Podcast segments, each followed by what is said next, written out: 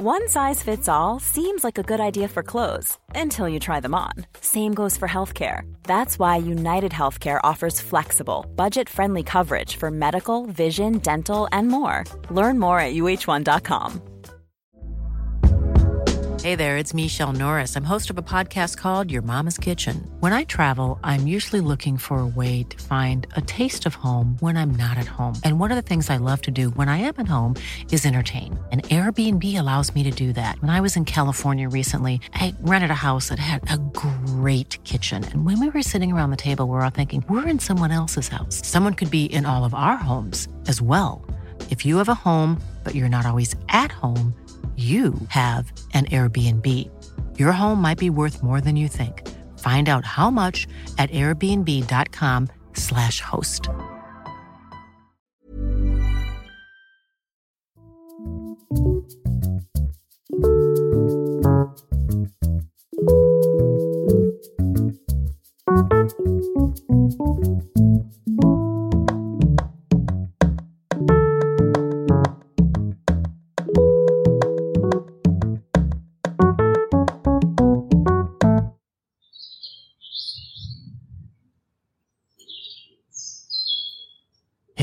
Och hjärtligt välkomna till ett nytt avsnitt av Sinnessjukt med mig, Sveriges ledande fosterbarn Christian Dahlström.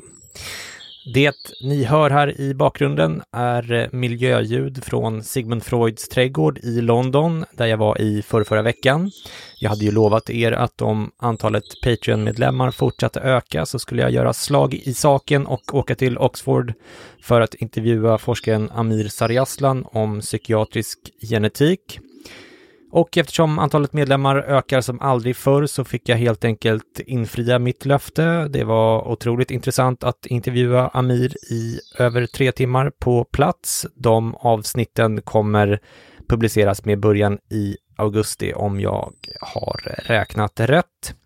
Dagen innan jag intervjuade Amir passade jag alltså på att besöka Sigmund Freud-museet i London som ligger i hans eh, sista hem, villan på Maresfield Gardens 20.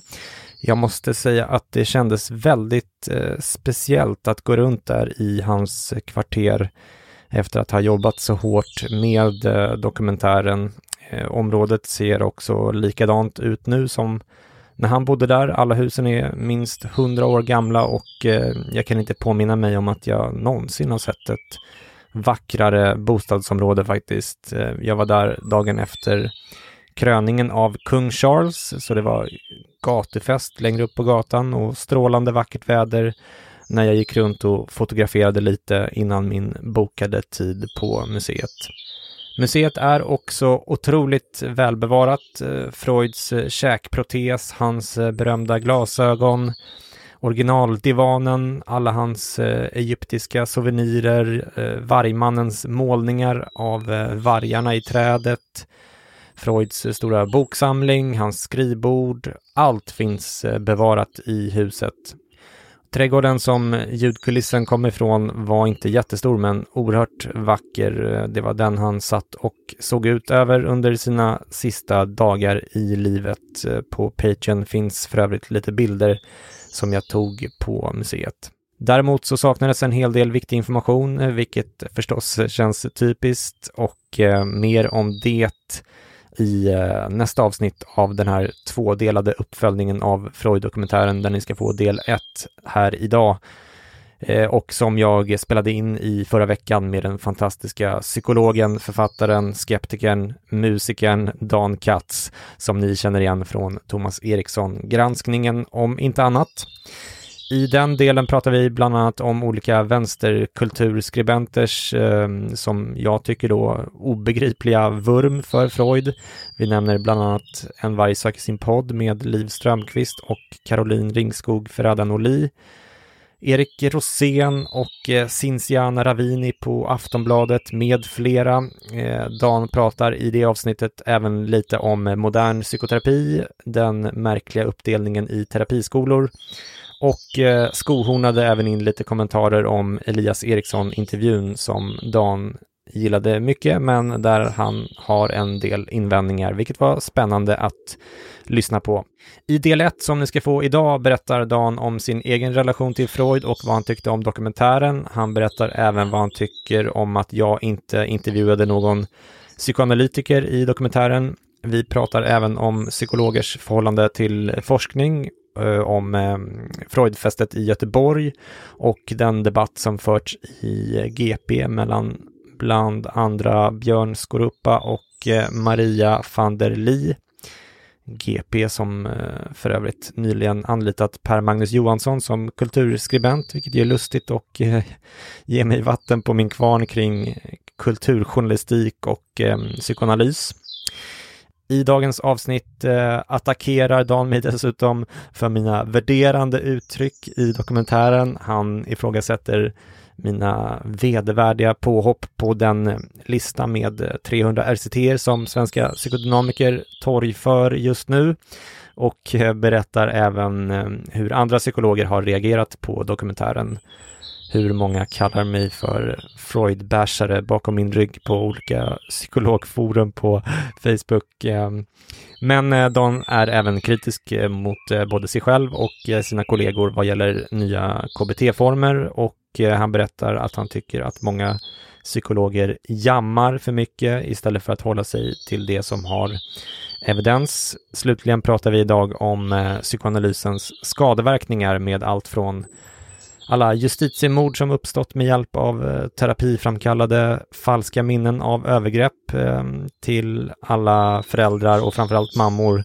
som har anklagats för att ha orsakat sina barns eh, ADHD, autism, schizofreni och ätstörningar genom att vara så kallade kylskåpsmammor. Det blir ett frejdigt samtal som ni hör. Ni har en timme mustigt psykiatrimys framför er, så luta er tillbaka i er favoritdivan fram med er lilla kokaindosa så ska vi besöka den fantastiske Dan Katz på Söders höjder från den 19 maj i år. Varsågoda!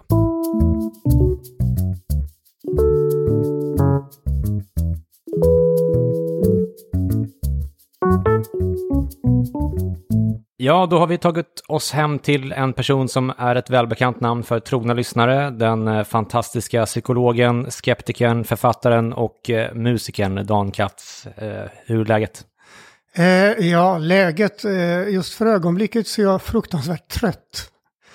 Eh, jag vaknade någon gång, ja, åtminstone tre timmar för tidigt i morse av att något stötte till min säng. Det var förmodligen vår rabiate dvärgpudel, eller mellanpudel är jag nog, eh, Midas. Eh, och sen när jag slog upp ögonen så såg jag två illröda ögon som stirrade på mig. Eh, och det var inte Midas. Okej. Okay. Så jag blev ganska rädd. Sen insåg jag att jag tittade rakt in i luftrenaren som har en röd lampa. Men vid det laget så hade liksom mitt sympatikosystem dragit igång så det gick inte att somna om. Jag förstår. Du, eh, idag ska vi ju prata om eh, den fyrdelade Freud-dokumentär som jag har gjort och som ligger i poddens Patreon-kanal. Eh, tanken här är att prata lite mer fritt och eh, otyglat om Freud och eh, om eh, dokumentären. Ehm, men om vi börjar lite med dig och din erfarenhet av Freud, Dan, så tänker jag att, så att liksom lyssnarna vet från vilket håll du kommer så att säga. Du utbildade dig ju till psykolog i slutet av 90-talet eh, på Stockholms universitet. Mm. Var Freud närvarande där eller när och hur introducerades du till Freud skulle du säga? Ja, det där är ju en knepig fråga för jag tror alla, i synnerhet i min generation, eh, blev nog eh, introducerade på något sätt för Freud redan eh, så fort man överhuvudtaget kunde ha någon form av eh, eh, ja, upplevelse. Eh, för att det genomsyrade ju det mesta och genomsyrar fortfarande väldigt mycket i samhället. Så att herregud, när blev jag första gången utsatt för Freud? Nu kommer jag faktiskt på här att Eh, eh, det gjordes en, en uh, utredning på mig när jag var i 8-9 års åldern. Jaså? Ja. Uh, därför att jag, jag ville inte gå till skolan och mamma tog mig till något som jag inte förstod vad det var, men det var naturligtvis psykologer. och där har jag faktiskt ett minne av att det fanns en sandlåda. Var det Erika-stiftelsen då eller? Nej, nej jag, det här är ju Göteborg. Men Ja, ja, det okej. fanns väl sandlådor även där på Okej. psykologmottagningar. Mm. Eh, och jag var väldigt frustrerad för jag fick aldrig leka den här sandlådan. Jag tyckte den såg kul ut. Eh, men utredningen slutade med att det inte var något större fel på mig. Eller också så berättade de det inte för mamma. Okej. Ja, Eh, jag- men det var väl första gången. Eh, sedan, om vi ska prata eh, när vi närmar oss vuxen ålder, så jag hade en väldigt lång Sturm und Drang, eller som min pappa säger, Sturm und Restaurangperiod. Okej. Eh, eh, som egentligen sträckte sig från jag var 14 år till jag var ja, 30. eh, och där någonstans så var det någon som tyckte det var en bra idé att jag skulle gå till en eh, psykoanalytiker. Mm. Eh, så det var väl första så att säga, professionella kontakten på riktigt. Och eh, eh, jag minns att jag avbröt den behandlingen ganska snabbt därför att redan tredje sessionen så hade han en tolkning av varför jag hade en smutsig tröja på mig. Mm.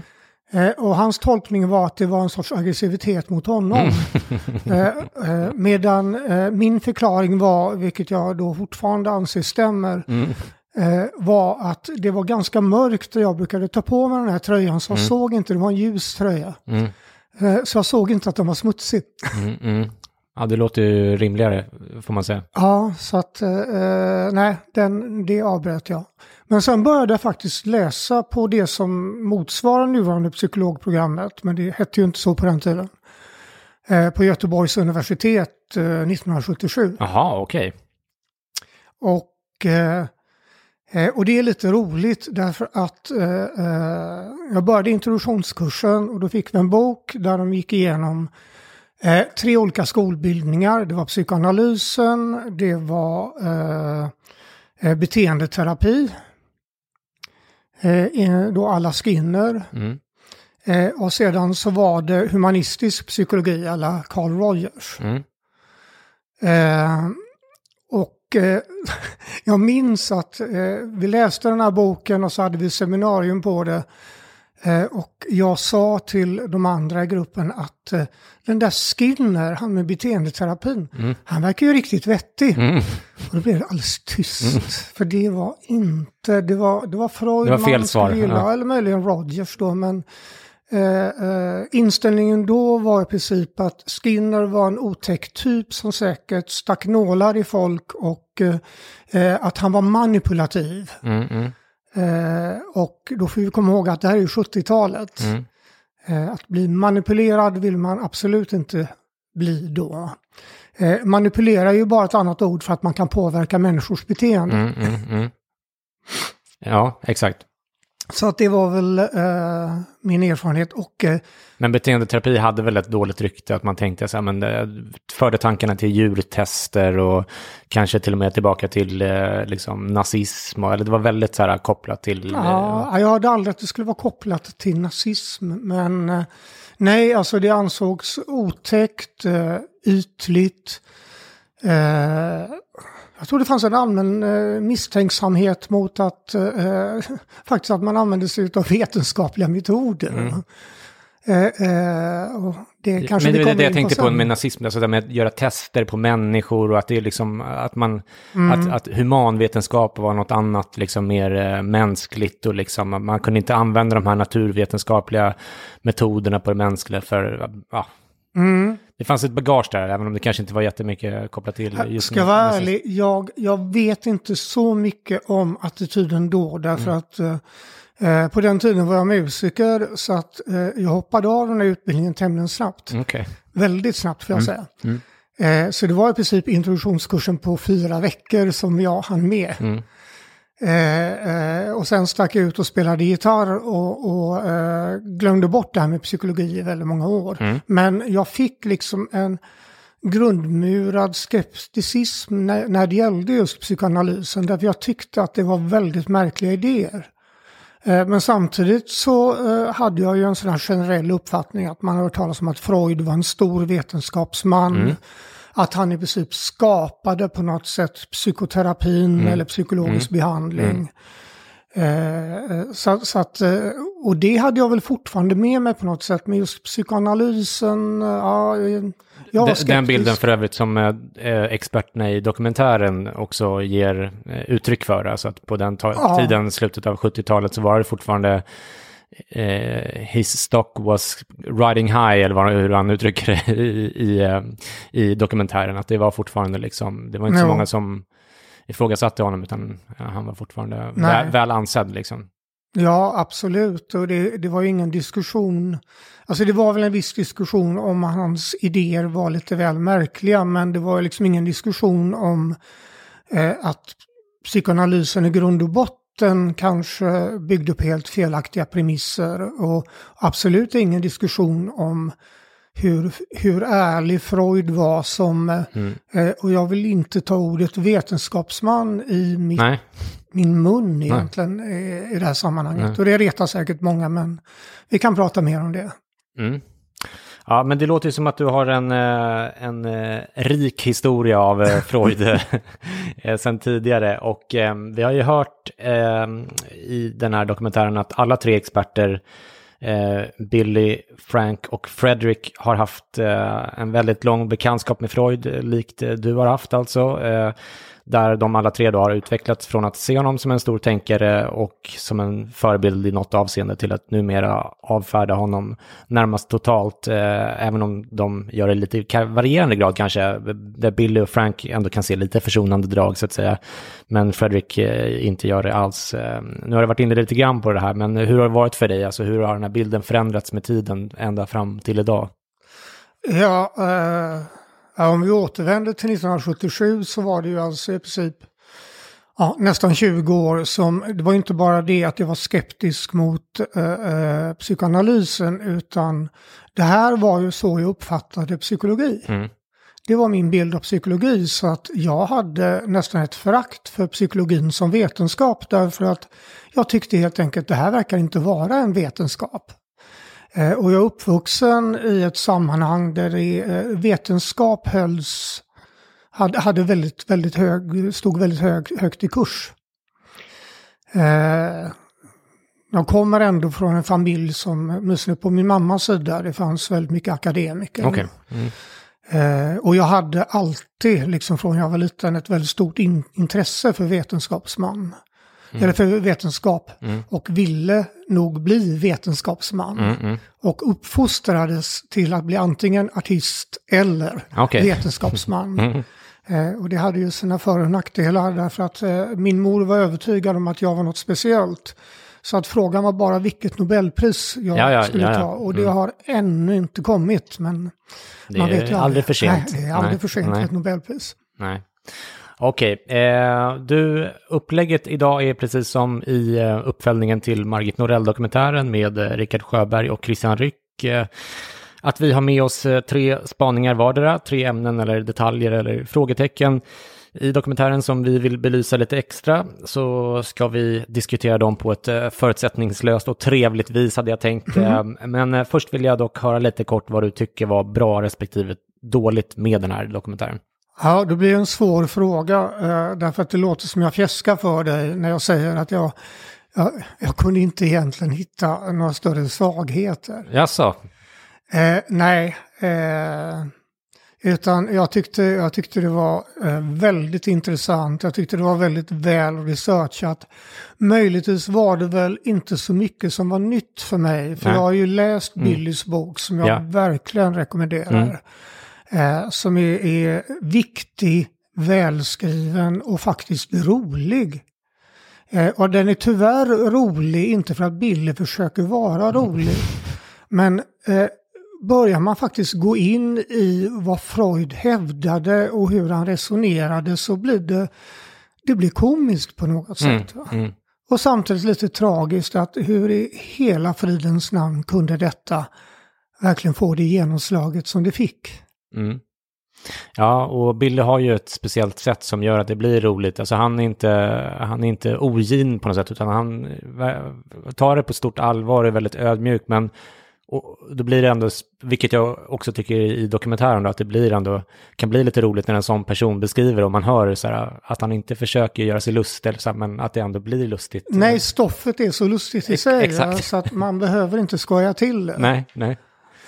Nej, eh, om jag eh, ska börja med någonting som eh, kanske kan vara en liten eh, eh, fläck eller någonting som var negativt med dokumentären. Om jag börjar med mitt första ämne här helt enkelt så, så eh, är det valet av intervjupersoner eh, till mm. den bok som jag skriver sedan ett par år tillbaka och ha, har jobbat med länge så har jag intervjuat rätt många psykoanalytiker eller före detta psykoanalytiker och eh, de har varit väldigt eh, trevliga, eh, sånär som på Johan Kullberg, salig i åminnelse, som väl i och för sig inte var någon riktig psykoanalytiker. Jag är osäker på hur han, om han fullföljde sin psykoanalytikerutbildning eller inte.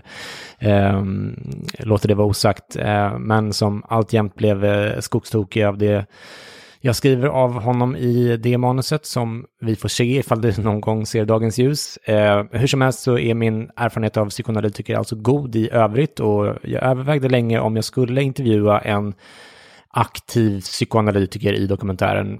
Um, och jag gjorde det inte till sist, uh, som ni som har lyssnat på den uh, vet, och även om jag har klippt in citat från Freud själv naturligtvis, så, uh, ja, eller det finns ju bara ett inspelat citat från honom, um, bevarat mig vetligen. Men sen även den svenska psykoanalytikern Per Magnus Johansson. Och um, då är jag lite intresserad av att höra vad du tycker här, Dan, om det här valet. Men först vill jag berätta lite hur jag tänkte. Mm. och dels så tänkte jag att psykoanalytiker i regel inte är experter på Freud på samma sätt som KBT i regel inte experter på eh, Aron Beck eller någon annan i den rörelsen. Eh, vilket skilde det här eh, dokumentären till min bok där, som handlar mer om andra saker där de har eh, sakkunskaper som, som inte finns någon annanstans. Eh, och eh, de psykoanalytiker som ändå är Freud-experter, som just Per Magnus Johansson, verkar antingen har lite svårt att hålla sig till sanningen om vi ska vara ärliga, eller så är de i huvudsak experter på den här friserade psykoanalytiska historieskrivningen och har liksom inte brytt sig om att läsa alla de här viktiga avslöjandena som eh, har kommit om Freud och som har skett de senaste decennierna. Eh, klippet med Per Magnus Johansson som jag hade med var just ett sådant exempel från en debatt med just Billy Larsson som jag gissar att du hörde, Dan, från Sveriges Radio förra året, en kort, mm. kort bara tio minuter sådär, men eh, där Per Magnus påstår att Freuds episod kring kokain var i början av 1880-talet och att Freud var personligen kliniskt fri från missbruk och en renlevnadsman. Eh, och som ni kan höra i dokumentären är det här raka motsatsen till sanningen eh, och det, och det är väl dokumenterat och det gäller inte bara hans kokain eh, bruk slash missbruk, utan eh, faktiskt en sak som jag noterade på eh, Freudmuseet när jag var där, att de hade en, eh, alltså eller eh, hans eh, protes som hade för sin underkäke mm. tror jag, för han dog ju i cancer i, i käken. Mm. Och eh, de skrev att eh, ja, men han rökte i princip dygnet runt och hade alltid en cigarr i munnen och, och de kopplade cancern till rökningen. Jag vet inte om det, mm. Om det berodde på det, men, men Jag ändå. vad Freud kopplade cigarren till. Ja, precis. Mm.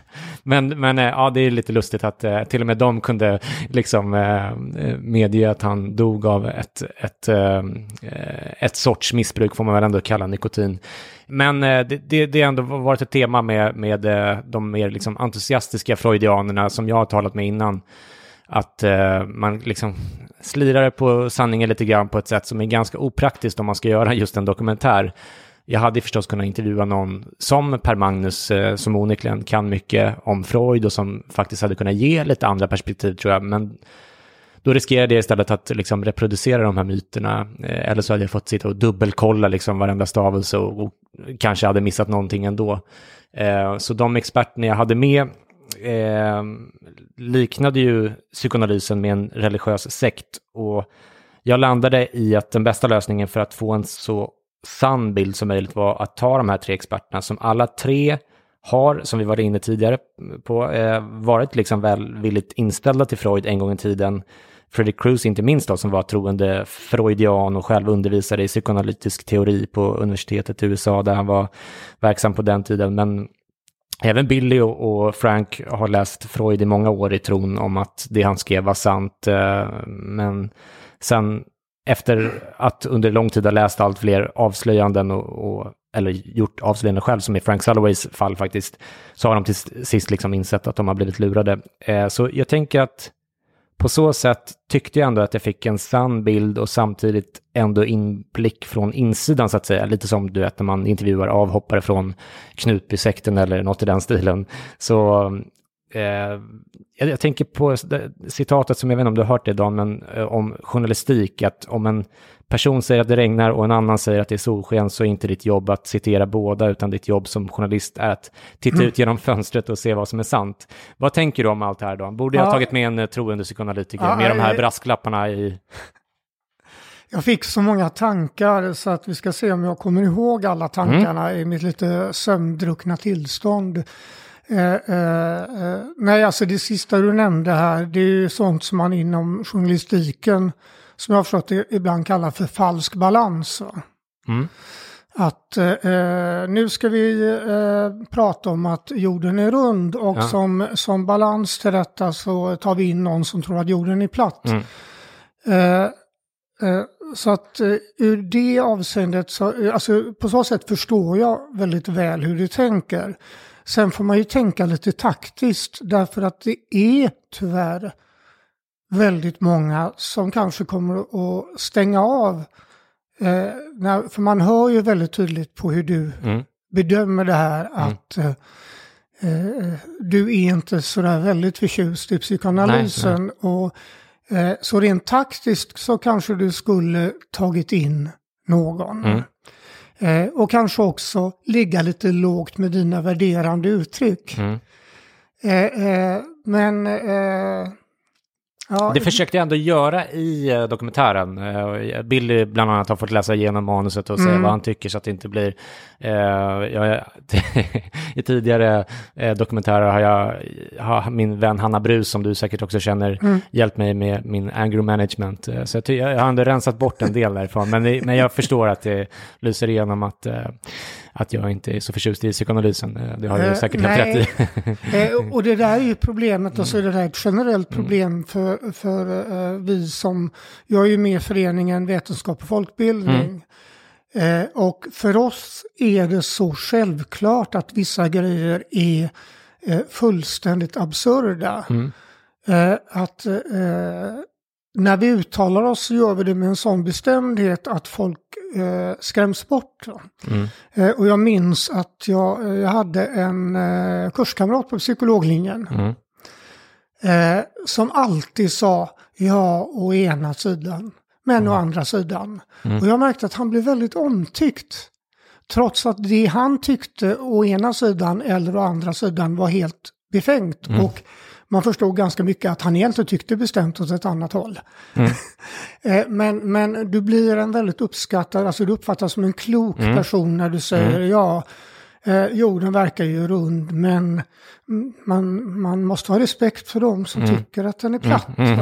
Mm. Eh, eh, så, så, att eh, taktiskt kanske inte det här är det bästa men Eh, eh, hur länge kan man hålla på och vara så här eh, liksom spelat eh, ja, ambivalent inför detta på något mm. sätt? Ja, det, eh, till slut så blir det absurt. Mm.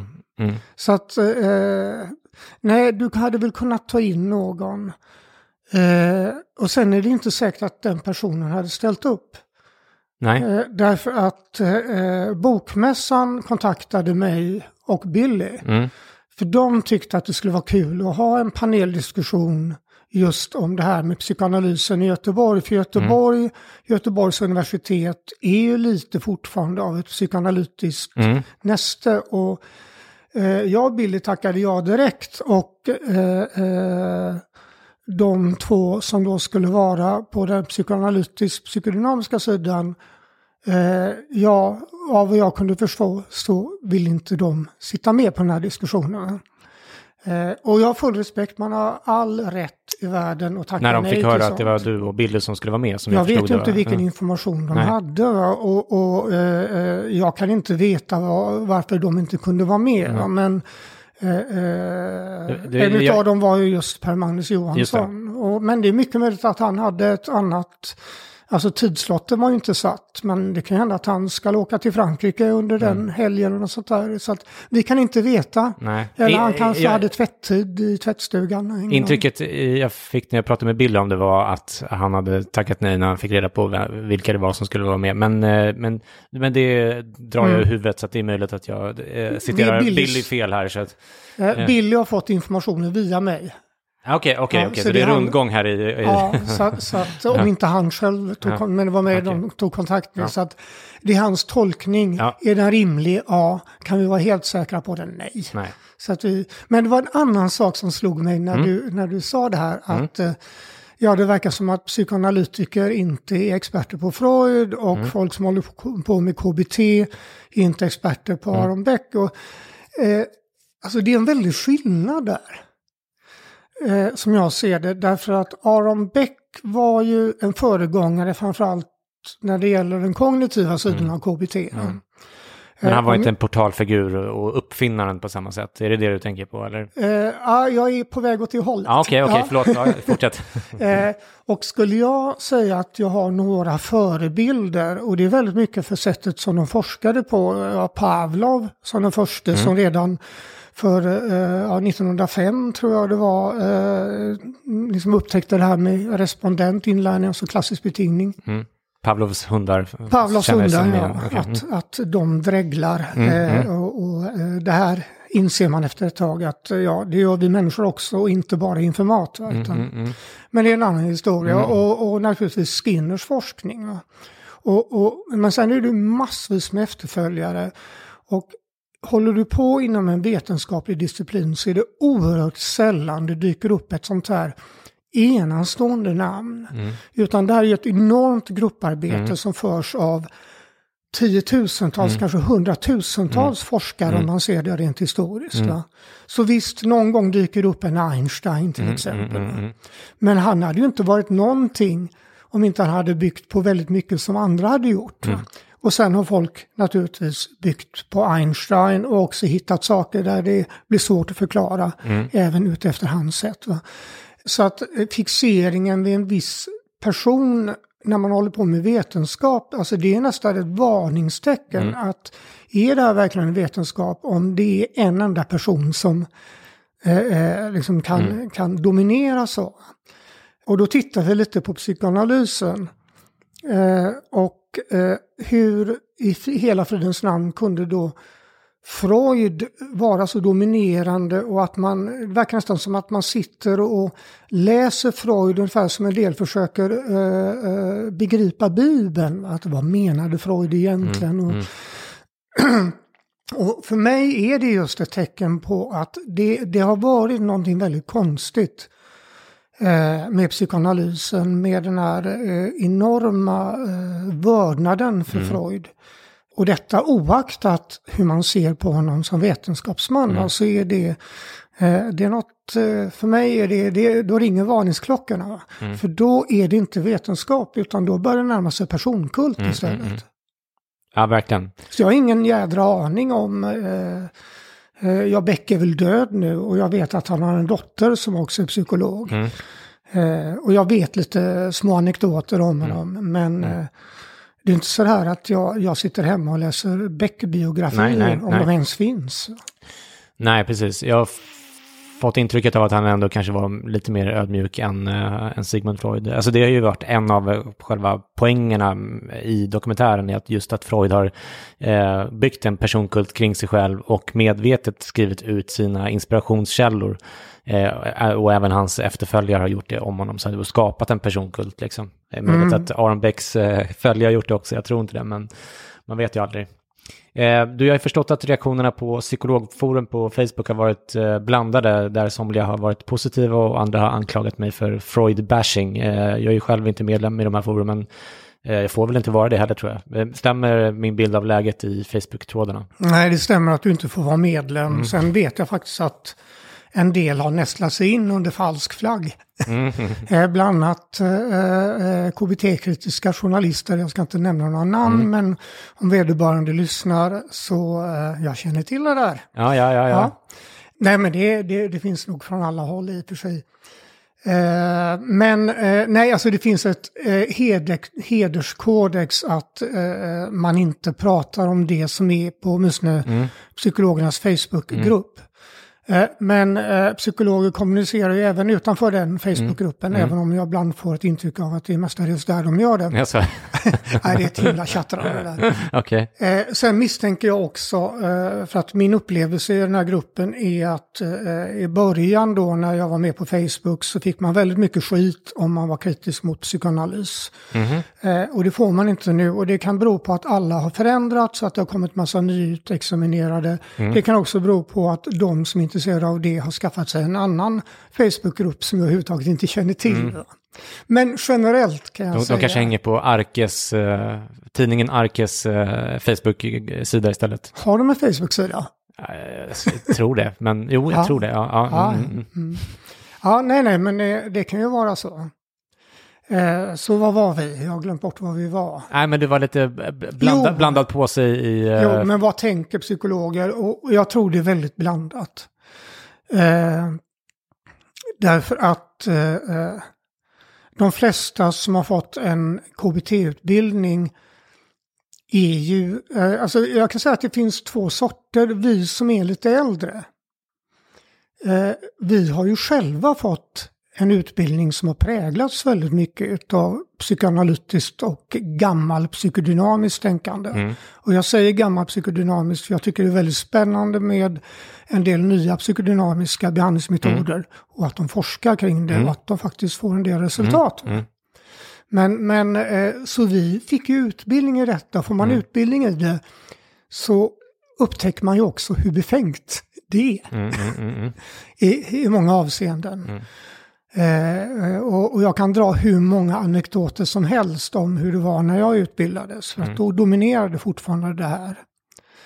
Eh, så att, så att eh, jag, jag, tror faktiskt till och med att de som har en väldigt ny utbildning där de kanske inte har exponerat så mycket för vad psykoanalysen faktiskt sa. Mm. Eh, de kanske är mindre kritiska mot psykoanalys än vad vi är, för de mm. kan inte tillräckligt mycket. Mm. Så att på sätt och vis tycker jag att det var en välsignelse att jag fick så mycket mm. psykoanalys, för det är mm. också, också eh, liksom en ganska god grund för att förstå vad psykoanalytiker menar, mm. även vad psykodynamiker menar. Mm. Och bilda min egen uppfattning som då mestadels är väldigt skeptisk. Så, så lite som ett eh, vaccin där på något sätt.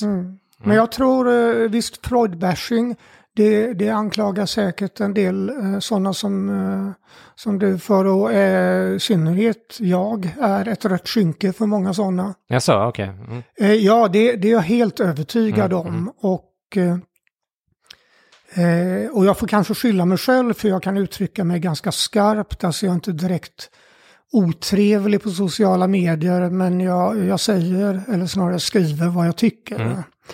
Mm. Eh, och eftersom eh, jag också har relativt, åtminstone i mitt tycke, goda argument så är det lite svårt. och det är också min tolkning, det är svårt att komma mm. åt mig. På, eh, det är, alltid, det är alltid finare ifall någon annan säger att man har bra argument, men jag köper ändå. Ja, jo, nej, men jag anser nog, alltså det, och, och, och de argumenten slipade jag ju redan mm. under utbildningen, mm, för att det var väldigt mycket diskussion i, i studentcaféet. Mm. Och, Eh, när jag började utbildningen så i princip alla mina klasskamrater eh, var ju väldigt psykoanalytiskt, psykodynamiskt inriktade. Eh, men sen hände något väldigt märkligt. Eh, och det var att när vi var framme, det var väl efter termin sex, så skulle man välja inriktning. Och då var vi den första gruppen i eh, Stockholms universitets historia där en majoritet valde KBT. Och det Aha. var alltså bara några år efter att man överhuvudtaget fick lära sig KBT. Okay. Eh, och det blev lite... Vilket år var det då? Eh, det kan ha varit 20, ja, inte 2000, 1999, 2000 och sånt där. Redan då alltså, att det var en övervikt på Stockholms universitet? Ja, men det var första gången det hände. Okej, okay. men ändå, det var tidigare än jag hade gissat. Ja, fast jag tror trenden är på väg åt andra hållet där. Men det, ja, det, det får bli en annan programserie tror jag. Ja, ja. Hi, I'm Daniel, founder of Pretty Litter. Cats and cat owners deserve better than any old-fashioned litter. That's why I teamed up with scientists and veterinarians to create Pretty Litter. Its innovative crystal formula has superior odor control and weighs up to 80% less than clay litter. Pretty Litter even monitors health by changing colors to help detect early signs of potential illness. It's the world's smartest kitty litter. Go to prettylitter.com and use code ACAST for 20% off your first order and a free cat toy. Terms and conditions apply. See site for details.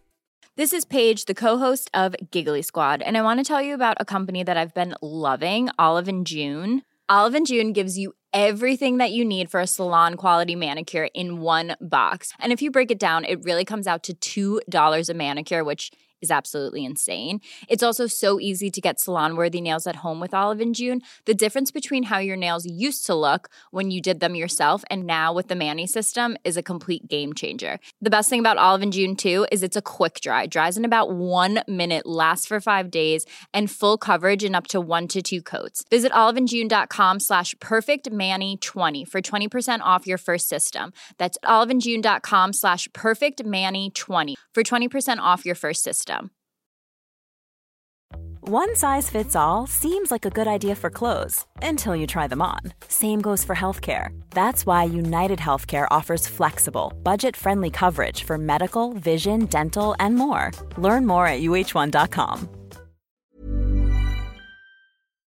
Nej, så det, det hände. Men eh, din ursprungsfråga var egentligen vad tänker psyk eh, psykologer om det här du, Mm, mm, eh, du har tagit upp? Mm. Och eh, jag tror du får väldigt blandad Mm. respons helt enkelt. Och jag tycker det är lite synd.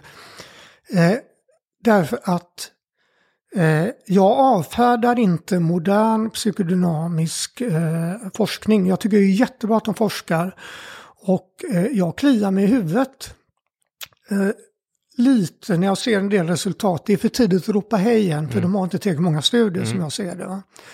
Eh, och fundera på, går det här att förklara utifrån hur vi ser på människan eller är det någonting vi måste lägga till? Va? Så där, där, jag tycker det är jättespännande. mm. Eh, och nu glömde jag bort vad det var jag skulle avsluta den här meningen med. Ja, du, du kanske kan fun- fundera på det. Ehm, Mm. Du har ju, ehm, eh, eller jag tänkte att vi skulle faktiskt övergå till ditt första ämne så att vi ehm, kommer framåt. Ja, nej men det, och, och egentligen så kommer det ganska naturligt på det vi pratar om. Mm. Och det är psykologkårens generella inställning till forskning. Mm. Eh, därför att, eh, okej, om man ser det väldigt, väldigt eh, ytligt så har vi ju en, när det gäller åtminstone, eh, psykologisk behandling, så har vi ju eh, en samling metoder som liksom samlas under det vida begreppet KBT. Då, eh, där väldigt många behandlingar har väldigt god evidens. Eh, det vill säga vi har många gånger i upprepade studier eh, kunnat visa att det här fungerar. va? Eh, och sen har vi en annan behandlingsmetod som inte haft någon eh, rejäl forskningstradition, inte liksom rejäla studier, alltså randomiserade kontrollerade studier. Som börjar skärpa till sig, men som har ungefär, eh, ja det går Eh, jag har försökt liksom ta reda på det, men det, det, det, det kan vara så att det går en eh, psykoanalytisk psykodynamisk studie på 40 som är åt KBT-hållet. Va? Det kan vara 20, det kan vara 80, jag vet inte. Men det, det, det är ett enormt eh, överslag. Och Då, då ska man veta att de flesta studier är, är dåliga, så att det blir inte så många kvar till slut. Och det gäller väl både inom eh, psykodynamisk och KBT? Ja, de flesta ja. är dåliga. Eh, Det finns Mm. ingen anledning att tro att, att KBT-forskningen eh, liksom skulle ha färre dåliga studier. Nej, nej, det är det jag menar. Men eh, ja, till exempel, jag har ju hört att psykodynamiker eh, har sagt att titta nu har vi 269 eller 300 randomiserade kontrollerade studier. Ja, jag har läst allihopa. Eh, för det var faktiskt inte så många. Eh, och då är det mycket trams där. Va? Så att vad, vad blir kvar? Kanske ett tiotal som är intressanta och det är bra. Det är ju eh, Peter Liljengren va, som Ja. vi har haft med i podden och eh, Thomas Hesslov tror jag eh, Ja. han heter som har den här i, eh, befängda listan som de, eh, som jag tycker på ett väldigt... Nej, protest. Protest. Den är inte befängd. Ja, Okej, Den är jättebra. Det gav ju mig en möjlighet att sätta mig in i psykodynamisk forskning. Och jag kunde inte läsa alla studier, ibland kunde man bara komma åt abstrakten. Men jag tycker det är jättebra att de redovisar detta. Jo, jo, visst, Ja. absolut, men de använder den eh, på ett sätt som att så här, titta här, det psykodynamisk forskning är, är absolut välbelagt och det har gjorts jättemycket i RCT och det har gjorts det i all evighet. Eh, och sen så kollar man närmare på de där, så, som du har gjort, och jag har ju bara läst eh, titlarna och lite kort om dem, men eh, alltså det är mycket ju bara, bara redan där är bara ren dynga. Ja, men jag är säker på att du skulle hitta en massa dynga om du gick igenom de eh, någonstans mellan 5 000 och 8 000 KBT. Abs- absolut, absolut. Men de har ju uttryckligen sagt att oh, men det här är en bild som hänger kvar av att psykodynamisk forskning inte har eh, belägg. Och sen, titta här, vi har tagit fram eh, nästan 300 som visar att det här är en säker och beforskad. Och det stämmer ju inte alls när man kollar på de här studierna. Alltså, det är ju, Nej. alltså, Alltså ba- bara som en, en, en eh, bild, alltså inom de här diagnosmanualerna som finns så finns det kanske ja, mellan 200 och 300 diagnoser, kanske lite färre i DSM-5 då. Men eh, ja, Ja, det låter mycket, men okej. Ja, men det, mm. det är något i den stilen i alla fall. Och det, sägs självt då att om de skulle ha ungefär lika många studier eh, så är det ju liksom, eh, alltså att det skulle finnas ett generellt stöd för psykodynamisk terapi, det, är- det, är helt, det är helt befängt. Och kollar man igenom den här listan så är det dessutom, det är så här, ja men, ehm, eh, studievägledning för psykologer handlar någon RCT om, har ingenting med psykiatri att göra. Någon annan är någon så här sydkoreanska mödrar som leker en sandlåda. Eh, Ja, jo, den- den har jag läst. Väldigt, och väldigt många är liksom, där är kontrollgruppen en annan psykodynamisk terapi eller typ ingen eh, kontrollgrupp överhuvudtaget. Mm. Alltså, jag, jag tycker verkligen att det är en, det är befängt att, ja, det är jättebra att de listar dem, men det är verkligen befängt sättet de använder dem för att ge sken av att det här är, ja, det är en säker och beforskad metod som liksom så här, men ja, när i själva verket så är det väl så att det, det är väl vid Nej. lättare depression som det finns något hyfsat stöd, men sen så är det liksom, Mm, ja, eller lätta till medelsvåra. Mm. Eh, och där finns det stöd, det tycker jag absolut. Mm. Eh, sen kan vi diskutera den diagnosen, ja det får bli ett annat program kanske. Men jag håller med dig och det har jag också påpekat att jag tycker det är på gränsen till oärligt, eh, bland annat i, i, när eh, Socialstyrelsens riktlinjer debatterades i någon av våra större dagstidningar. Så anfördes detta som ett bevis på att det fanns god evidens. va. Och det är, det, det tycker jag, alltså det här är ändå folk som, som eh, i princip alla var disputerade. De vet mycket väl att det här inte är något bevis. Så att det tycker jag, det tycker jag inte är ett schysst sätt att argumentera. nej. Eh, Men eh, mitt ämne var ju psykologkårens generella Mm, mm, mm. eh, eh, inställning till vetenskap. För där har vi ju liksom en skiljelinje och det är då naturligtvis eh, de som försöker lära sig de metoderna som, som har absolut bäst evidens. va. Eh, Men sen så tycker jag det finns en generell slarvighet, alltså, och det, det är även inom KBT-fältet. Att för det första är ju inte KBT en behandling. Eh, De enda som försöker hävda det, det är ju de som är kritiska till KBT. Eh, eh, eh, utan det är massvis med behandlingar som har samlats under paraplybegreppet KBT. Finns det gemensamma nämnare för, det- för de flesta? Ja, ibland är de väldigt tydliga, ibland är de mer långsökta. va. Men det är en fruktansvärt massa olika behandlingar som, som har samlats under, under, under det här paraplybegreppet. Eh, så att första problemet är, vad gör egentligen folk där ute? Mm. Eh, för att det finns ganska tydliga riktlinjer för hur man behandlar eh, vissa typer av problem.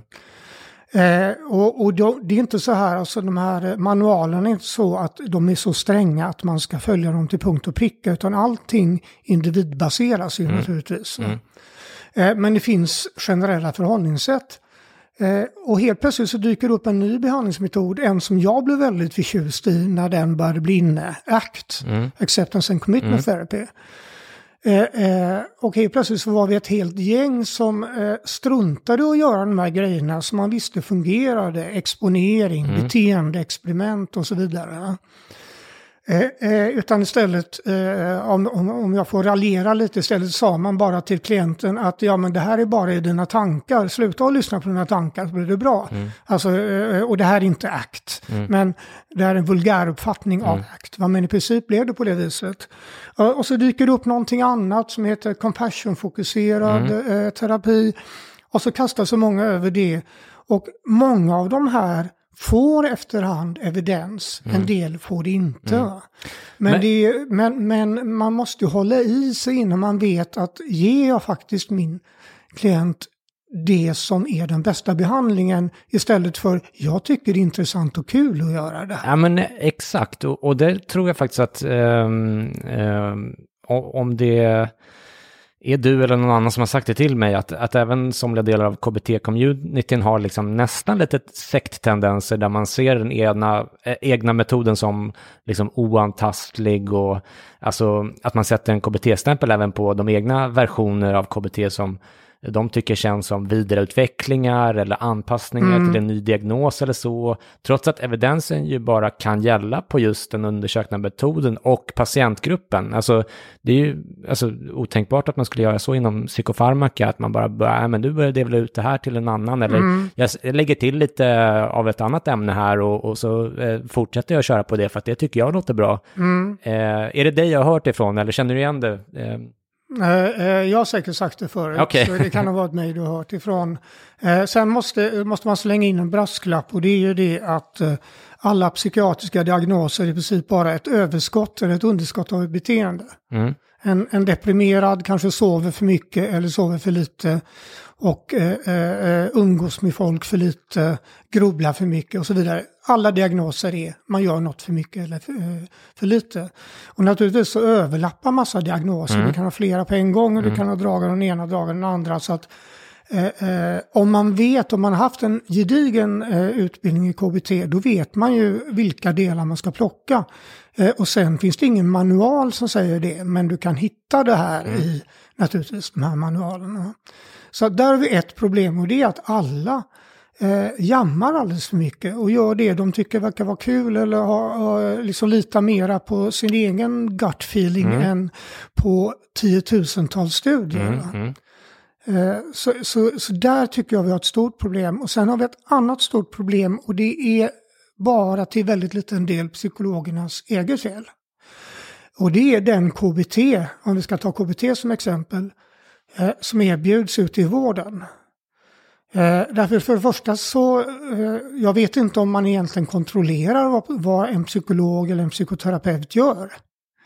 Jag har aldrig hört talas om att eh, eh, IVO till exempel har dragit in legitimationen för någon Nej, psykologisk exakt. behandlare för att de har felbehandlat. Utan du blir av med eh, legitimationen om du har mördat någon eller, eller, eller är pedofil eller något sånt där. Och det är ju bra men eh, en läkare som inte behandlar evidensbaserat tog det efterhand bli av med sin legitimation. Jag, jag minns att jag kollade upp det där för nå- något år sedan eller två år sedan eller vad det var. Alltså hur många som blir av med sina eh, psykologlegitimationer. Det var ju typ ingen som gör det. Alltså det var fem om året eller något sånt där. Och, det, alltså, och då var det typ för den typen av, eh, Ja. eh, och inte alls för att man har felbehandlat någon. Så alltså, det verkar ju, ja, kontrollsystemet verkar ju inte optimalt, eller man ska säga. Nej. Eh, Men sen finns det annat som börjar bli mer och mer strukturellt och det är om man tittar noga på de här studierna där man har kunnat påvisa evidens. Eh, I många av de fallen så är det sessioner på en och en halv timme. Det erbjuder man nästan aldrig utan standardlängden för en session är 45 minuter. Eh, Även om man försöker liksom vara en seriöst arbetande psykolog. Eh, eh, och jag hör fler och fler exempel nu där folk eh, sätts under ett beting att de ska jobba eh, liksom max 20 minuter med varje patient. Och massvis med patienter under en dag. Eh, många gånger så träffar de inte ens patienter personligen utan de gör det via nätet. Eh, eller via Zoom då, något liknande. Eh, det är inte alls det som har evidens. Och vad kan man göra liksom på 20 minuter? Visst, ibland kan man göra jättemycket och det finns forskat på sådana här snabba interventioner. Va? Men inte tillräckligt mycket för att vi ska vara trygga med det. Eh, så att folk kommer ut eh, i vården och eh, så tycker de att de får KBT eller kanske korttids, väldigt kort psykodynamisk terapi. Men de får ingenting av det som vi har forskat fram, eller väldigt lite av det som vi har forskat Mm. fram fungerar. Eh, eh, och det är där tror jag en fara, det är en fara för psykologers rykte, för psykologisk behandling. Eh, en, en fara för KBT, för det är ofta KBT tror att de får. Men vad de får är en, jag vet inte, någon snabbmats-KBT. Eh, och dessutom så vet vi inte ens om den som eh, utövar den här KBT gör KBT eller ens har utbildning i KBT. För det är, och tillräcklig utbildning. Så att det, det är ett jätteproblem. Mm. Jag tänker, om jag bara får sticka in lite grann här, så har det ju varit en diskussion om eh, eh, psykiatrin i Göteborg specifikt och deras eh, ovilja att rätta sig efter Socialstyrelsens riktlinjer på tal om att använda forskningsbaserade, evidensbaserade och så här. Så var det ju eh, i, jag tror det var GP, eh, så skrev en psykolog som heter Maria van der Lee, eh, som jag antar är psykodamisk, hon skrev bland annat så här, Eh, för att några personer anställda i verksamheten har som sin hobby att läsa psykoanalytiska texter så skulle ingen behandling i psykiatrin vara evidensbaserad. Det är, en helt, det är ett helt absurt resonemang. I psykiatrin arbetar legitimerad professionell personal med långa yrkesutbildningar bakom sig och många har åratal av erfarenhet i yrket. Att med utgångspunkt i såväl forskning som beprövad erfarenhet välja hur man bör behandla en viss problematik och viss och vid behov anpassa behandlingen. Detta är vad det innebär att arbeta evidensbaserat. Att urskillningslöst tillämpa exakt samma insats på varje individ man möter är det inte. Det blir provocerande att låta påskina att välutbildade, erfarna människor inte skulle vilja erbjuda sina patienter den mest hjälpsamma behandlingen eller kunna avgöra vad som är lämpligt. Eh, och hon menade även att eh, deras patienters komplexa problematik gjorde det svårt att arbeta manualbaserat. Och eh, läste du de här? Det kom en... en eh, Jag känner igen den. ja, det kom en igen replik från psykologen Björn Skoruppa, heter han tror jag. Ja, och jag misstänker att det var han som initierade den här debatten. Ja, jag tror möjligen det. Han skrev i alla fall... modig psykolog. Ja, precis. Han jobbar i Göteborgspsykiatrin som jag förstår också. Ja. Han skrev, jag ska bara säga kort vad han skrev. Problemet är att den behandling vi personligen tror är den bästa inte nödvändigtvis har starkast vetenskapligt stöd. Därför räcker inte allmän hjälpsamhet och inte heller legitimation eller tjänsteår. Istället är det genom att erbjuda rekommenderad behandling som vi kan ge våra patienter vad de behöver. Van der Lee låter oss åter eh, också åter få ta del av myten av att komplex problematik hindrar behandling enligt riktlinjer för enskilda diagnoser. Forskningen pekar istället i motsatt riktning. Rekommendationen därifrån är att först behandla de mest framträdande besvären och därefter behandla eventuellt kvarstående problematik. Eh, och jag eh, slut citat här, och jag, och jag tänker att det här med beprövad erfarenhet är ett lurigt begrepp tycker jag, eh, som ju ibland används lite som ett liksom carte blanche för att inte göra det som har evidens. Det är ju någonting som jag har förstått också genomsyrar alla delar av sjukvården. Eh, Agnes Wold skrev häromdagen på Twitter om eh, så här att det finns ingen medicin som dödat en tiondel så många barn som det oskyldiga rådet att lägga barn på mage för att sova. Eh, och och det, jag tänker att det är ju därför forskning eh, är så viktigt. Alltså beprövad erfarenhet tycker jag är ett begrepp som ibland används som om vi människor inte hade alla de här eh, våra bias som liksom forskningsmetodik metodik försöker motverka. Alltså mycket av det som känns intuitivt rätt är i själva verket fel. Konfirmationsbias gör att vi minns de patienter som har blivit bättre av vår behandling men inte de som har inte blivit bättre. Eh, sank kosteffekten gör att vi har svårt att erkänna för oss själva och för andra att det vi har lagt mycket tid och pengar på kan vara felaktigt och så vidare och så vidare. Det är ju därför forskningen behövs. Så jag köper inte riktigt den här premissen. Förstår du hur jag menar? Ja, och eh, alltså, jag vill börja med att säga någonting som det kan låta som jag, jag försöker säga å ena sidan och andra sidan nu.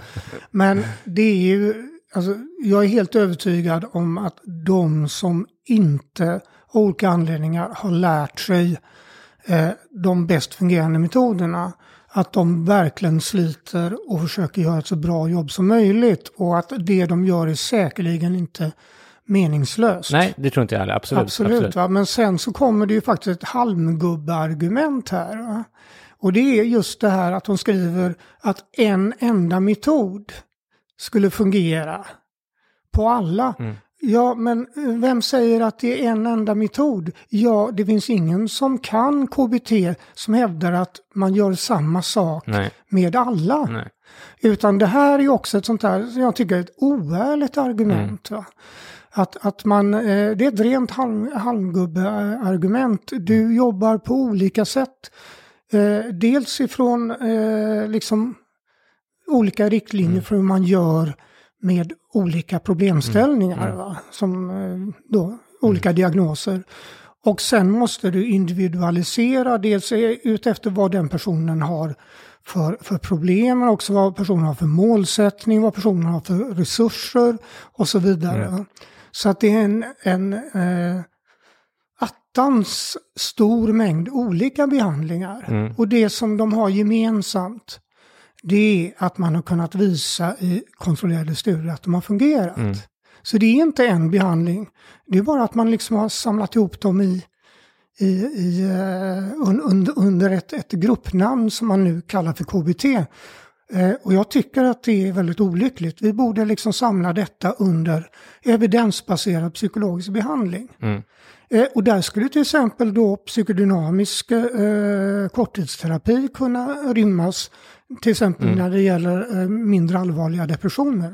Ja, du har helt rätt. Ehm, Du, jag tänker vi fortsätter skynda vidare lite grann till mitt andra ämne om du var klar där. Ja, eh, eh, du får alltid stoppa mig. Ja, ja, ja, okej, eh, okej. Det är som att trycka på en Ja, knapp. Jag har ja. diskuterat detta i 25 år. Mm. Så att jag, jag, jag, det bara öser på liksom. Jag tror att du kommer ösa på eh, i mitt andra ämne också faktiskt, eh, som är psykoanalysens, psykoanalysens skadeverkningar. Som är ett ämne som jag vidrör i dokumentären och som jag skriver mycket om i eh, nämnda outgivna bok. Men som jag ändå valde att hålla rätt kort i dokumentären av utrymmesskäl. Jag ville fokusera på Freud så mycket som möjligt helt enkelt. Eh, men ett av skälen till att jag tycker att det är viktigt att förstå Freud på djupet och exempelvis då läsa Billy Larssons utmärkta bok 18 myter om Freud och vägen framåt, som du nämnde tidigare, det är just att inte låta den här historien upprepa sig. Eh, och du får protestera om du vill då, men mitt intryck är att folk i den mån de överhuvudtaget bryr sig såklart, men att de har uppfattat exempelvis fallet Thomas Quick, som ju är det mest uppmärksammade i Sverige, som en slags anomali sprungen ur en liten och särskilt märklig sekt ledd av eh, Margit Norell. Mm. Nej, eh, eh, det där är bara toppen på ett isberg, det, det som händer där. Och jag tror faktiskt att det är så, eh, så som du tror, att de flesta tror att det här var extremfall. Och det, det, det var ju fall som hade liksom extremt olyckliga följder och som fick extremt mycket uppmärksamhet i massmedia. Eh, Men eh, de här fallen bygger ju på de här idéerna som har haft väldigt dålig vetenskaplig förankring. Eh, Och som har praktiserats och faktiskt fortfarande praktiseras i Sverige under många, många år. Eh, Och eh, det, eh, framförallt i början när jag, när, när jag kom ut eh, som psykolog, det gick inte eh, ibland eh, mindre än en vecka mellan att man träffade någon som hade, hade ja, ett ganska enkelt behandlingsbart problem, typ paniksyndrom, social fobi, som hade fått höra att Nej, men det, här, det här beror på din pappa. Eller det här beror på dina föräldrar. Och ja, alltså eh, i vissa fall, kanske när det gäller social fobi, kan man säkert tänka att föräldrarna har spelat in. Men att leta upp detta eh, eh, hjälper ju inte folk som har de här besvären. Vilket är den andra delen. Först så är man väldigt bestämd om att det har en, ett ursprung, gärna långt bak i, i livshistorien. Och sedan så tror man att boten väldigt mycket är att diskutera detta och så kanske hitta någonting som man kan kalla för ett trauma. Eh, och det är så här att det finns nästan ingen människa som inte upplevt en del tråkiga saker i sin barndom. va? Eh, och vad blir följden av detta? Ja, du kan till exempel ha någon som är väldigt skör, eh, någon som är emotionellt instabil. Som eh, eh, får höra att detta beror på att du har trängt undan hemska saker som din familj har gjort mot dig. Eh, och beviset för att eh, eh, det här har hänt är att du har de här symptomen. Eh, så det gäller att gräva fram dem och då vet vi hur lätt det är. Och det är det ju forskat på Mm, mm, mm. utav Elisabeth Loftus. Mm. Att plantera in minnen. Mm. Eller som jag också märker är att man liksom omtolkar ganska vardagliga händelser till någonting väldigt gräsligt. Eh, och vad innebär det? Ja, eh, kontakten med föräldrarna bryts. Mm. Och eh, eh, föräldrarna skuldbeläggs. Mm. Och vad, vad händer då med den här eh, patienten? Jo, då försvinner kanske det som har varit den enda fasta punkten Mm. i deras tillvaro. Mm. Nämligen föräldrarna. Mm. Så att, så att det, här, det här kan ha fruktansvärda följder. Och det fanns ju ett stort antal väldigt märkliga incesträttegångar under 90-talet. Mm. Eh, I väldigt- Sverige, men även i ja, alltså, Ja. USA hur mycket som helst och säkert i massa andra västländer Mm. också som var influerade av det här. Jo, jo och, vi har ju vi har flera exempel, uppmärksammade exempel i Sverige. Men, men det här... Mm. Men det här måste är finnas ju- en massa okända fall i Sverige också, tänker jag, utan att veta, som borde ju finnas. Ja, ja, nej men, nej men i princip alla gånger som man har fäst överdriven vikt vid eventuella, eh, eventuellt eh, ja, dåligt föräldraskap. Mm. Eh, eh, så finns det ju en risk att det här faktiskt har förstört relationen med föräldrarna. Mm, mm. Detta sagt så finns det ju föräldrar som gjort hemska saker Ja, och som har såklart. varit dåliga. Ja, ja, ja. Eh, Men i många fall så har de kanske inte varit så gräsliga och det här Mm. har, har ju ställt till med ordentlig skada. Mm.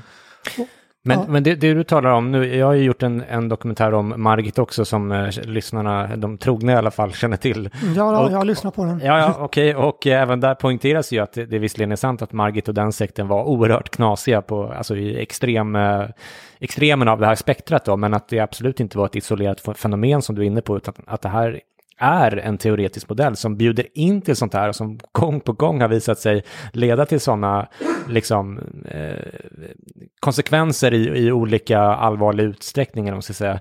Eh, Dan Josefsson kallade ju det i sin bok om fallet Kvick och Margit, eh, mannen som slutade ljuga, för ett slutet självbekräftande tankesystem som inte tillät någon annan slutsats än att Sture var en seriemördare. Mm. Eh, och så det här uppstår ju jättelätt i den här psykoanalytiska modellen som bygger mycket på appeal to authority och den här ovetenskapliga modellen där man inte behöver underbygga sina slutsatser med någon form av riktig empiri. Eh, och förutom kvickfallet så har vi en väldig massa fall även i Sverige som du var inne på, alltså även kända som till exempel Da Costa-fallet och fallet Ulf och sådär. Eh, och i USA finns det ju enormt många liknande fall eh, där somliga fick, som jag har förstått i alla fall, motsvarande medial uppmärksamhet. Franklin-fallet är väl ett, ett sådant exempel som jag, vad jag förstod på eh, när jag pratade med Elizabeth Loftus som du nämnde eh, tidigare, är en lite så här pa- patient zero i allt det här. Men förutom de här rättsfallen som, som du är inne på, de här bortträngda falska minnena av sexuella övergrepp, så har ju psykoanalysen, och det här kanske är ännu allvarligare tänker jag, det har ju lett till helt förfärliga konsekvenser i psykiatrin i övrigt, när man under decennier på många håll arbetade efter de här psykoanalytiska eller psykodynamiska teorierna om kylskåpsmammor som orsaken till autism och ADHD, schizofreni och ätstörningar exempelvis. Det finns säkert fler exempel som du känner till. Och man behandlade ju familjerna därefter eh, genom att exempelvis då även här skilja barnen från sina föräldrar. Det heter väl par parentektomi eller sådär, alltså ett... Ja, det man- där kan du nog bättre Ja, men i Mm. alla fall, alltså man såg dem som sjukdomsalstrande och skulle, de skulle liksom skiljas från sitt barn då för att Mm. de skulle bli friska på något sätt. Och man gjorde det i ett liksom känsligt skede i de här barnens liv då man, som du var inne på alldeles nyss, kan tänka sig att de behövde sina föräldrar nära Mm. och sådär. Eh, vad tänker du om det här? Håller du med om att det är viktigt att förstå att det har haft väldigt negativa effekter även på stor skala så att säga? Ja, alltså det blir ju eh, ett retoriskt svar på en retorisk fråga här. Eh, eh, kort svar, ja, jag håller med dig om allt detta. Eh, eh, och eh, det man inte heller får glömma här, för att det du pratar om nu, det är liksom primära skadeeffekter. Ja. Det har i vissa fall ställt till med skada. Men vad man glömmer bort här är att det finns en sekundär skadeeffekt. Mm. Och det är att eh, eh, Munsnösen, eh, jag skulle säga mitten av 80-talet så var det ganska allmänt känt att det fanns god evidens för, för eh, eh, olika varianter av KBT. Mm. Och då har man fortsatt att utbilda folk i andra metoder. Mm. Och fortsätter att utbilda folk i andra Mm. metoder. Vilket innebär att eh, jag kan eh, ha svårt att, att bedöma, men det måste vara hundratusentals patienter under de här åren i Sverige Mm. som inte har fått den behandling som de borde haft rätt till. Mm. Eh, som inte har eh, eh, haft en möjlighet att göra någonting åt sin sociala fobi, sitt paniksyndrom, Mm. eh, sin depression, eh, eh, väldigt många andra sådana här beteendeproblem Mm. och så vidare. Eh, tvång till exempel. Eh, eh, Får, jag, får jag bara skjuta in där? Ja. Nu avbryter jag det väldigt mycket. Du får säga till när jag gör, gör det mycket. för att jag pladdrar. Men jag tänker, det gäller inte bara annan psykoterapi. Alltså, eh, nu ska jag inte väldigt ologiskt göra re- reklam för min outgivna bok. Det är inte alls det jag menar, men eftersom jag Mm. har det i, i färskt i minnet så det här med schizofreni, eh, psykoterapierna som bland annat Margit Mm. Norell då Ja. eh, ägnade sig åt. Eh, där är ju inte alternativet eh, KBT, eftersom det inte funkar där heller, annat än kanske mot liksom, lite grann att strukturera sitt liv och så vidare. Mm. Men annars är det ju läkemedel som är det givna svaret där. Och där så har man ju genom att undanhålla eller liksom eh, de, den här behandlingen så det kan ju, kan ju, och inte bara kan, utan det är dödligt. Och det var ju en av sakerna som skedde i Margits grupp, Mm. att flera av hennes patienter tog livet av sig eh, under en kort period. Alltså det var en, en av terapeuterna där som hade tre självmord på bara liksom en väldigt kort period och det är ju liksom, eh, det är det är väldigt extremt. Eh, alltså, Mm. då, då, och just skälet då var att de tog in de här eh, psy- alltså, psykotiska människorna och erbjöd dem den här psykoterapin. Eh, och det var liksom inte en så här forskningskontext, inga etikprövningar eller något sånt där, Nej. utan det var bara liksom, de lekte med deras liv. Så ser jag det och det, kanske, det är möjligt att jag Eftersom jag har eh, en, en, histor- familjehistoria av schizofreni blir extra upprörd av det här, men jag tycker Mm. att det är förfärligt. Så man kan ändå, även nämna just den här eh, läkemedelsaspekten. Ja, och det är, och det är väldigt viktigt eh, liksom när vi har en sån här diskussion att vill man mm, liksom tänka forskningsbaserat Mm. så finns det överväldigande evidens för medicinsk behandling. Mm. Eh, eh, och då kan vi ju faktiskt återkomma till mina kollegor psykologerna som Mm. Även de som anser sig vara evidensbaserade så märker jag att de är väldigt förtjusta i att hitta skäl till att diskvalificera medicinsk behandling. Mm. Eh, eh, och, och för mig går inte det ihop. Eh, och det är ju självklart, tycker jag, att eh, mänskligt beteende, eh, eh, förutom liksom omvärldsfaktorer, de här psykologiska faktorerna som jag jobbar med, också beror på hur på hjärnans, eh, hjärnans kemi, Mm, mm. hjärnans struktur. Mm. Eh, sen, ja, eh, jag pratar ju gärna om Elias Eriksson, men vi kanske kan ta det senare. Vi, vi, vi kan också komma till det Ja. i slutet, eh, men, för jag vet att du har en del invändningar där. Men eh, jag tycker att det är en bra poäng att, Ja. eh, att det här med psykologer och medicin och att det finns liksom ett eh, motstånd däremellan. Och det Mm. finns kanske säkert också från vissa läkare och andra hållet. Så här, men att, eh, Mm. det tycker jag känns som lite tråkigt att det är så. Ja, visst, där hade ni den första kontroversiella delen av den här tvådelade uppföljningen på min Freud-dokumentär. Om ni till äventyrs ännu inte har lyssnat på dokumentären men har blivit sugna nu så kan ni alltid lyssna på de första tio minuterna först som finns gratis i gratisfiden innan ni signar upp er på ett Patreon-medlemskap på patreon.com sinnessjukt. Länk finns i avsnittsbeskrivningen. Jag utlovade ju för övrigt att skänka alla nya patroners första betalning till Ukraina under april månad. Förra året när jag gjorde det så blev det 350 kronor till Läkare Utan Gränser. I år blev det eh, mer än eh, tre gånger så mycket. 1124 kronor till Blågula bilens viktiga arbete i Ukraina. Stort tack för det. Den andra och sista delen av den här uppföljningen kommer mycket snart och efter det så kommer jag att publicera mina intervjuer med Frank Salloway och Frederick Cruz i sin helhet som en liten bonus. Mm, eftersom det möjligen kan finnas lite icke-svenska lyssnare som hittar dem och vill lyssna på dem så kommer mina korta intron till de avsnitten att vara på engelska, bara så ni vet. Hörni, innan vi skiljs åt vill jag också passa på att uppmana er att anmäla er till årets upplaga av Mental Health Run. 30 september i Stockholm eller virtuellt 1-10 oktober. Förra året slog vi alla tiders deltagarrekord och just nu har det faktiskt sålts eh, fler biljetter än vid samma tid förra året. Så det kan nog eh, bli ett eh, nytt deltagarrekord. Det är ett fantastiskt roligt lopp där allt överskott går till psykiatriforskningen via Fonden för psykisk hälsa som jag själv arbetar för som ni vet, så jag är inte helt objektiv här. Men eh, jag kan säga så här att om ni inte springer så, så kommer jag tolka det som ett tecken på en undertryckt och eh, mycket störd eh, sexualitet. Okej, ta hand om er nu. Puss och kram. Hej då!